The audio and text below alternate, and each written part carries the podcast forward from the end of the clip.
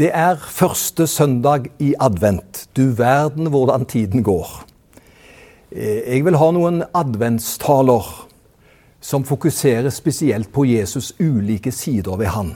Og I dag, første søndag i advent, skal jeg tale om den menneskelige Jesus.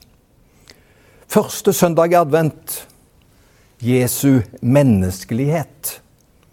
Om noen uker så er det jul, og vi skal feire Jesu komme til vår jord. Jeg er glad for at Gud ble menneske.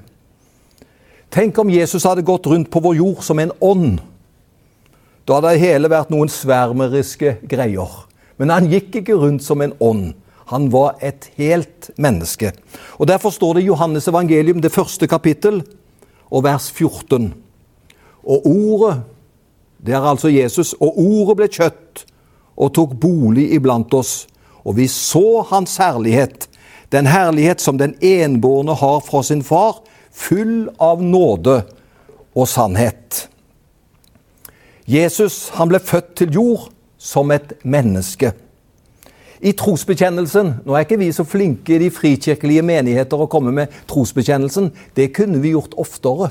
Men i trosbekjennelsen sier vi Jeg tror på Jesus Kristus, Guds enbårne sønn, vår Herre, født av jomfru Maria.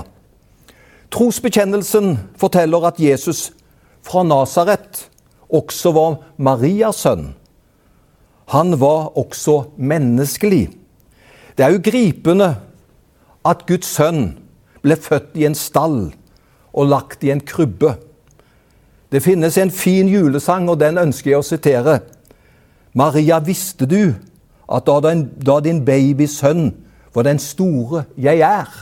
Og jeg siterer Maria, visste du at din babygutt en dag ville gå på vannet? Maria, visste du at din babygutt ville frelse våre sønner og døtre? Visste du at han kom til å gjøre deg ny? Det barnet du forløste, vil snart forløse deg. Maria, visste du at din babygutt kom til å gi synet til en blind mann? Maria, visste du at din babygutt ville stille stormen med sine hender? Visste du at din babygutt har gått der engler går? Når du kysser den lille babyen, da kysser du Guds ansikt. Maria, visste du at din babygutt ville få blinde til å se, døve til å høre, døde til å bli levende, stumme til å tale, til å prise Guds lam? Maria, visste du at din babygutt er herre over hele skaperverket? Maria, visste du at din babygutt en dag vil regjere over alle nasjoner? Visste du at din babygutt er Herrens perfekte lam? Det lille barnet du holder, er den store jeg er. Visste du det, Maria? Det er en fantastisk julesang. Evangeliene er faktisk talt Jesu biografi. Der leser vi om han og hvordan han var. Han ble født av en menneskelig mor og utviklet seg fra barn til ungdom, slik vi alle gjør. Og så hadde Jesus fysiske behov som et menneske. Han hadde en menneskelig kropp som gjorde at han kunne bli sliten. Noen ganger så er jeg glad for at jeg leser at Jesus ble sliten, for det kan vi bli. Han var som oss. Jesus ble både sulten og tørst. Det fortelles at Jesus hadde satt seg ned ved brønnen for å hvile. Og En annen gang så kan vi lese at han sov i båten. I Getsemane så kjente han på en voldsom angst. Han var redd for det som lå foran. Han hadde kjempet med mørke tanker. Han var faktisk talt som en av oss. Derfor har vi en Gud som har medfølelse med oss. Til sist drepte de ham ved korsfestelse, og så legger de hans døde kropp i en grav. Fordi han var et menneske, han hadde en kropp, og den ble lagt i ei grav. Det er så lett å fokusere på Guds sønn som led dette. Men vi skal huske på at han samtidig var et menneske. Han måtte tåle forferdelige smerte. At han i tillegg var Guds rene sønn, som i tillegg til denne ytre smerten også tok på seg en voldsom byrde, nemlig han tok på seg vår synd. Han gikk i døden for vår synd. Det kunne han bare gjøre som Guds rene sønn. Jesus han hadde følelser som et menneske. Han hadde menneskelige følelser. Da han så på den unge, rike mannen, så står det han fikk han kjær. Det vil si, han ble glad i han. I møte med enkeltmennesker kunne Jesus kjenne på sympati. Han kunne kjenne på kjærlighet og varme. Han ble glad i mennesker. På samme måte kunne han bli sorgfull og trist når vanskelige og onde ting skjedde. Tap av en venn. Det gjorde ham sorgfull. Han brast i gråt ved Lasarus' grav. Jesus reagerer slik som vi reagerer på sorg. Han gråt. Men Guds sønns øyne virket lenger. Han så lenger enn vi mennesker gjør. Han ble nemlig bedrøvet over de harde hjertene som mennesker i Jerusalem hadde. Han engasjerte seg. Han gråt som sagt over Jerusalems harde hjerter. Han snakket også om den glede han hadde som han ville at disiplene skulle få del i. Jesus var et sant menneske som i sannhet hadde følelser. Jesus reagerte på følelsen av mindreverd. Som et menneske med sterk empati så så han på og reiste opp i sin omtale kvinnen som vasket hans føtter med den kostelige oljen. De rundt han så ned på den kvinnen, for hun var et dårlig eksemplar. Men Jesus han ser på denne kvinnen med omtanke og med kjærlighet og med varme og sympati. Det gjør han også når han besøker Sakkeus, den uh, ufyselige typen som utnyttet mennesker, og som var utstøtt. Men Jesus besøker han. Jesus han viser at han er solidarisk med mennesker som har det tøft. For ikke snakke om Jesus han så barna. Han løftet opp barna. Barna de var jo ingenting på den tida. De var ikke engang verd å telle. Men Jesus han ser barna, han løfter de opp, og så sier han hvis dere skal komme inn i Guds rike, så må dere bli som disse små barna. Han viste hjertelag og kjærlighet. Det som ingenting var. Det utvalgte han. Han var ikke bare opptatt av ånder i himmelrommet. Nei, han var nærværende med ønske om å gi mennesker verdighet. Hvilken Gud vi har.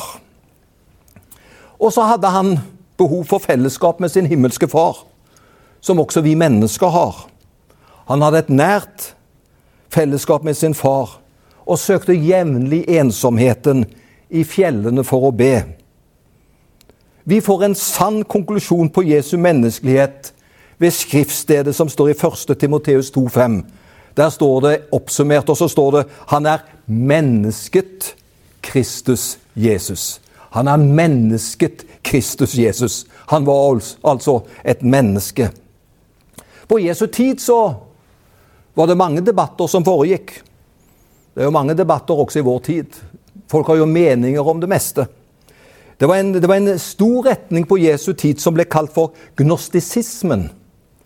Denne læren sa at det fysiske var i sitt grunnleggende vesen ondt, mens ånden i sitt vesen var godt. Derfor sa de at Jesus han kunne ikke ha et legeme. Han var en ånd uten å kunne sette noen fotavtrykk etter seg. For en ånd kan ikke sette fotavtrykk etter seg, men det kan bare et menneske. Og han kan jo ikke være et menneske, for det var ondt. Det var ånden som var god. Og derfor var Jesus bare ånd, sa gnostisismen. Jeg er veldig glad for at Jesus har satt fotavtrykk etter seg.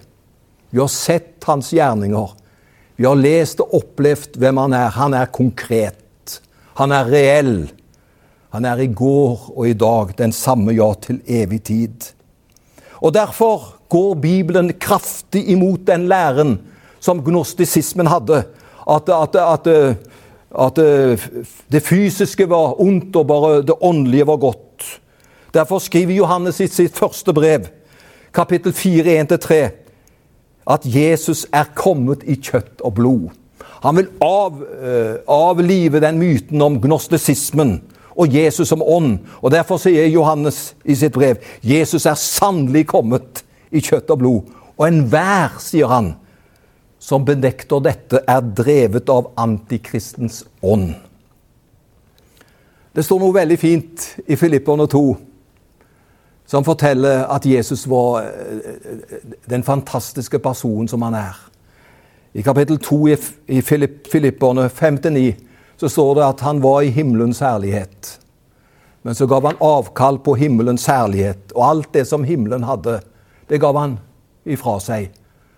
Og så kom han til vår jord og tok en tjeners skikkelse på seg, og så ble han som en av oss. Med en viktig forskjell. Men han hadde ikke og gjorde ikke synd. Men ellers så var han som en som oss. Og han ydmyket seg og fornedret seg til døden, ja, døden på et kors. Derfor sier Paulus derfor har Gud høyt opphøyet ham og gitt ham navnet over alle navn. Og han skal regjere til evig tid. Men da han kom inn i vår tid, så kom han i en kropp. Han var et menneske. Han forstår oss mennesker. Han vet hvordan vi har det. Men så har han noe som er mer enn det menneskelige, han er også Gud som kan eh, føre oss til himmelen, som kan gi oss den åndelige styrken og det livet som vi trenger. I dag kan vi takke for at Jesus ble menneske, som elsker oss og som forstår oss. Og I Hebreerne 4 så står det at han var som en av oss, dog uten synd. Advent. Tenk første søndag i advent i dag. Det er en forventningens tid. Vi har forventninger til Jesus. Siden han kom til jord som et menneskebarn og fikk kjenne denne, kropp, denne verden på kroppen sin, kan vi ha store forventninger til han. Vi har nemlig en Gud som forstår oss. En som har gått den løypa som vi går. Han har gått de motbakkene som vi har gått. Han er prøvet i alt. Han forstår oss, han har medfølelse. Men, halleluja, han har også makt og kraft til å hjelpe oss. Og han vil stå sammen med oss når livets stormer uler rundt ørene på oss. Han er oss nær. Derfor ønsker jeg å si til alle i dag velsignet advent i Jesu navn. Amen.